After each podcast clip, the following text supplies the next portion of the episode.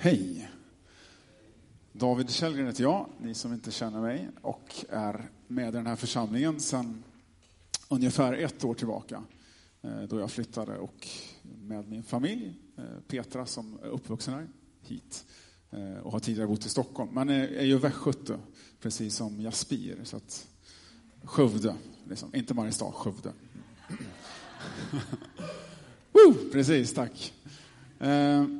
Ja, Eh, Petra, vet ni alla, jobbar här i församlingen nu eh, och eh, är administratör och hjälper till med olika saker. Och då har det blivit lite svårare för mig att komma undan.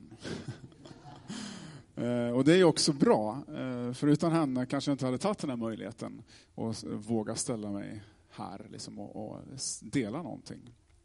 Det är ändå lite läskigt. Och frågan man ofta ställer sig är ju, är ju vad har jag att dela? Eh, och så förminskar man lite sina erfarenheter och blir lite så här jant att Nej, men jag kan ju inte riktigt. Så att, ja, det var ju väl bra att hon, hon fick den här tjänsten så att jag tvingades nästan. Nej då, eh, så illa var det inte riktigt. Eh, jag har börjat precis börjat jobba i Linköping och pendlar dit några dagar i veckan. Och för mig så är, är pendlingen just nu kvalitetstid.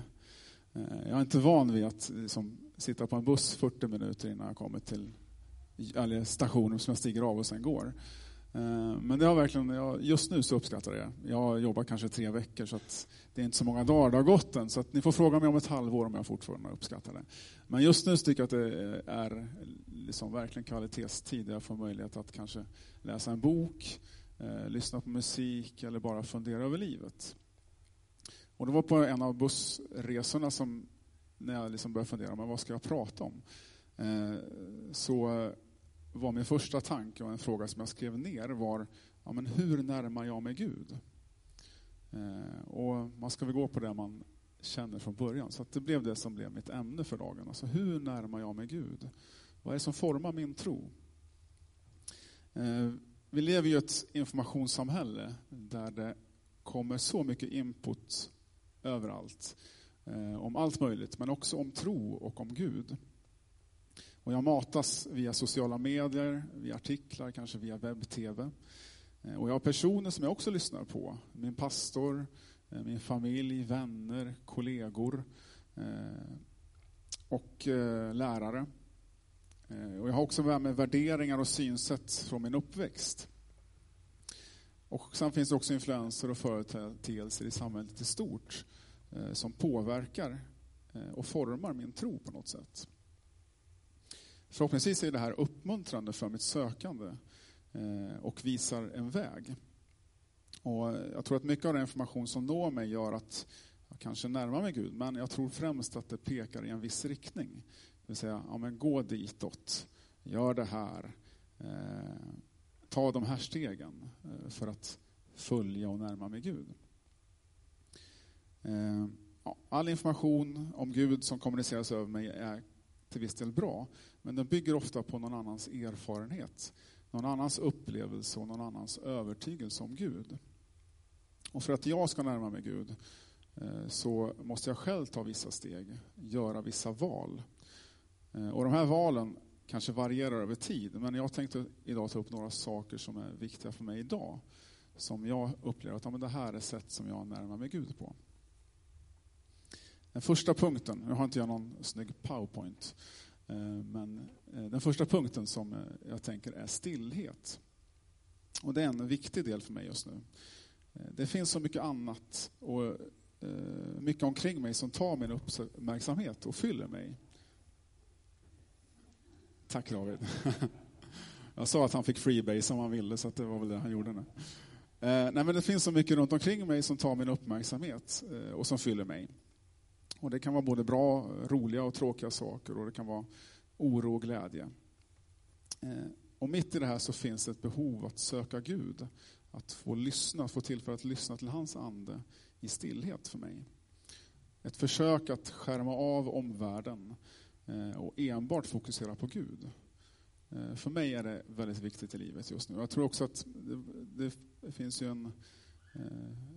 Som Jesus gjorde också det här vid olika tillfällen, att han drog sig undan i ensamhet eh, för att be och söka Gud. eller ja, att be. Eh, och, eh, så det är ett exempel som jag tror är viktigt för oss att ta an.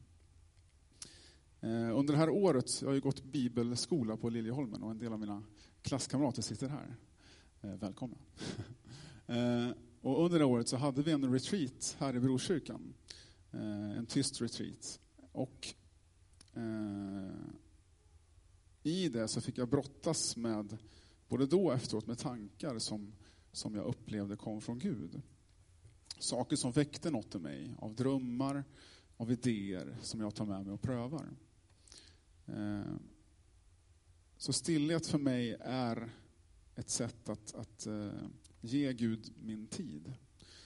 Eh, och att få möjlighet att be och fundera över idéer och frågor som väcks och kanske väckts tidigare i mitt liv, men som jag inte riktigt ger utrymme.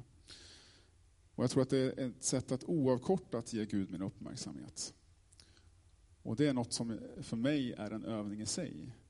För att vi, det är, vi lever i en väldigt delvis stressig värld. Och att liksom sätta av tid, att oavkortat ge Gud sin tid. Eh, jag tror att det är väldigt viktigt. Nästa punkt i min lista är musik och lovsång. För mig är musik eh, väldigt viktigt och i den så upplever jag ofta att Gud är nära. Eh, att hans heliga ande bor i mig. Och lovsången är en stor del av min tro. Eh, och lovsång kan ju vara olika sorters musik, det behöver inte vara just det vi har sjungit idag. Eh, men eh, det är en stor del av min eh, tro och i Bibeln talas det också mycket om lovsången som en del i relationen med Gud. Och jag tänker på min namne David i Gamla Testamentet är ett ganska starkt exempel på, på någon som använde sig av musik för att söka Gud och uttrycka det han kände inom sig. Ehm, så jag ser sång och musik som ett verktyg för att uttrycka det som jag går igenom i livet och att närma mig Gud. Och Det kan vara andras ord och det kan vara mina egna ord som uttrycks i sången. Och Jag tror att det har en, en stark tendens att öppna mitt hjärta. Att sången öppnar mitt hjärta för Gud. Ehm, och Jag tror att musik, i i eh, musik så kan ju man uttrycka både lov och glädje och även ilska, sorg, besvikelse, rädsla, maktlöshet, men också förtröstan. Och jag tror att musik och lovsång är ett sätt att, att lyfta mig till Gud, där han kan ge mig förtröstan. Så stillhet och musik, lovsång. Nästa punkt är kanske en självklarhet i våra sammanhang, men är också Bibeln. Bibeln och andlig litteratur. Jag är inte någon speciellt duktig bibelläsare. Och eh, jag har nog haft en period där jag har läst väldigt lite överhuvudtaget. Men Bibeln är ändå viktig, det är på något sätt fundamentet för vad vi tror på. Eh, jag försöker komma igång med mitt läsande av andra litteratur.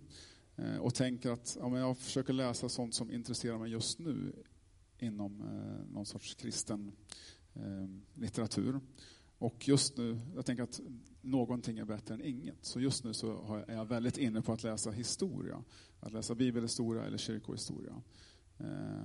Och jag tänker att det leder mig in i att läsa vidare med annan sorts litteratur också. Eh, och sen så tror jag också att Bibeln, eh, jag tror på idén att Bibeln läses bäst tillsammans. Eh, och annan litteratur för den delen också, men speciellt Bibeln. Att vi delar ordet som vi ibland använder oss av. Det tar sikte på en gemenskap i läsandet.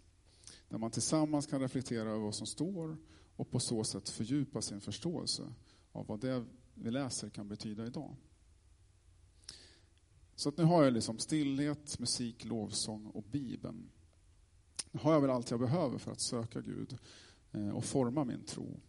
Då kan man fråga sig, vad ska jag då med en församling till? Är inte det bara jobbigt? Är inte det ytterligare en sak som jag ska få in i min kalender? Men, självklart kommer ett men. Eh, vi är kallade till gemenskap. Eh, att dela livet och tron, det är så viktigt. Att tillsammans söka Gud, att tillsammans be, att tillsammans lovsjunga. Eh, eller är det bara ett sätt som riskerar att bli en kollektiv manipulation där vi på något sätt likriktas och våra olikheter försvinner? Det finns absolut exempel på i, i historien. Men där man skenat iväg åt en det ena än det andra hållet.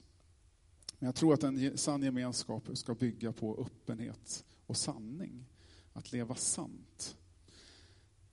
Eh, och vi pratar om att församlingen är en plats där vi delar livet. Eh, men det förutsätter också att vi lever sant, att vi delar med oss av våra tvivel, våra sår, våra känslor. Det vi tycker är svårt, kanske våra kallelser, vår längtan, vår vilja, vår tro. Då blir församlingen en plats där jag kan hämta styrka och inte en plats som tar min styrka. Och nu menar jag inte att allt ska delas med alla i tid och otid. Eh, utan att man delar med dem man har förtroende för. Kanske i en hemgrupp, i relationer där man har förtroende. Eh, kanske med själavårdare. Och att man delar sina drömmar och sina tvivel i sin tro. Att leva sant eh, mot mig själv och mot andra har varit en viktig fråga för mig det senaste året och kanske de senaste åren. Eh, och jag har upplevt att jag har varit uppvuxen i ett sammanhang med tydliga murar och fasader. Eh, vilket lett mig eh, till att jag under många år upplevde att jag inte levde sant. Jag var inte sann om vem jag var. Och väckarklockan kom nog när jag upplevde att flera av mina okristna vänner, eller som kanske inte delade min tro, levde mer sant om vilka de var och vad de gick igenom eller vad de trodde än vad jag själv gjorde. Eh, och för mig är det otroligt viktigt för en kristen gemenskap att leva i sanning, att ge av sig själva, att vara till viss del en öppen bok där saker tål att tas fram i ljuset. Då blir församlingen en plats, eh, tror jag, där jag närmar mig Gud. Sammanfattningsvis, hur närmar jag mig, med ljud. Gud? Just nu så är stillhet viktigt, musik och lovsång. Och båda de sakerna, stillhet och musik och lovsång, tar sikte på bön på något sätt. Eh, och sen bibel, andlig litteratur och församlingen. Eh, när jag eh, liksom hade haft, eh, gått igenom de här tankarna så funderade jag, ja, men hur avslutar jag en sån här predikan? Eller predikan, vittnesbörd eller vad man ska säga. Eh, och Eh, ja, men då får jag fråga också, när jag närmar mig Gud kan man fråga sig vem jag är i Gud. Eh, och ett bibelord som Eh, kom till mig och som eh, det är sådana bibelord som nog är bland de mest kända i, i världen egentligen. Och på sportevenemang, mest på 90-talet, så tyckte jag ofta man såg en skylt kanske på ett strategiskt lopp, på ett maratonlopp eller skymtades bakom startblocken på 100 metersloppet. Johannes 3 och 16. Till så älskade Gud världen att han gav den sin enda son. Vem är jag i Kristus? Jo, jag är älskad. Eh, hur ofattbart är inte det att offra en sån stor del av sig själv för att ha en gemenskap med mig? Hur betydelsefull är då inte jag? Att jag är värd det. Att han vill ha gemenskap med oss och han vill fördjupa relationen med oss och fördjupa meningen med vårt liv. Det är det viktiga. Och min tanke med det som jag har delat idag är att uppmuntra dig till att fundera vilka sätt närmar du dig Gud på? Vilka sätt är det som du känner att ja, men det här har jag behov av just nu, eller på det här sättet gör att jag närmar mig Gud? Då tror jag att vi får en levande gemenskap med den vi tror på, om vi tar tid att fundera över det. Tack så mycket.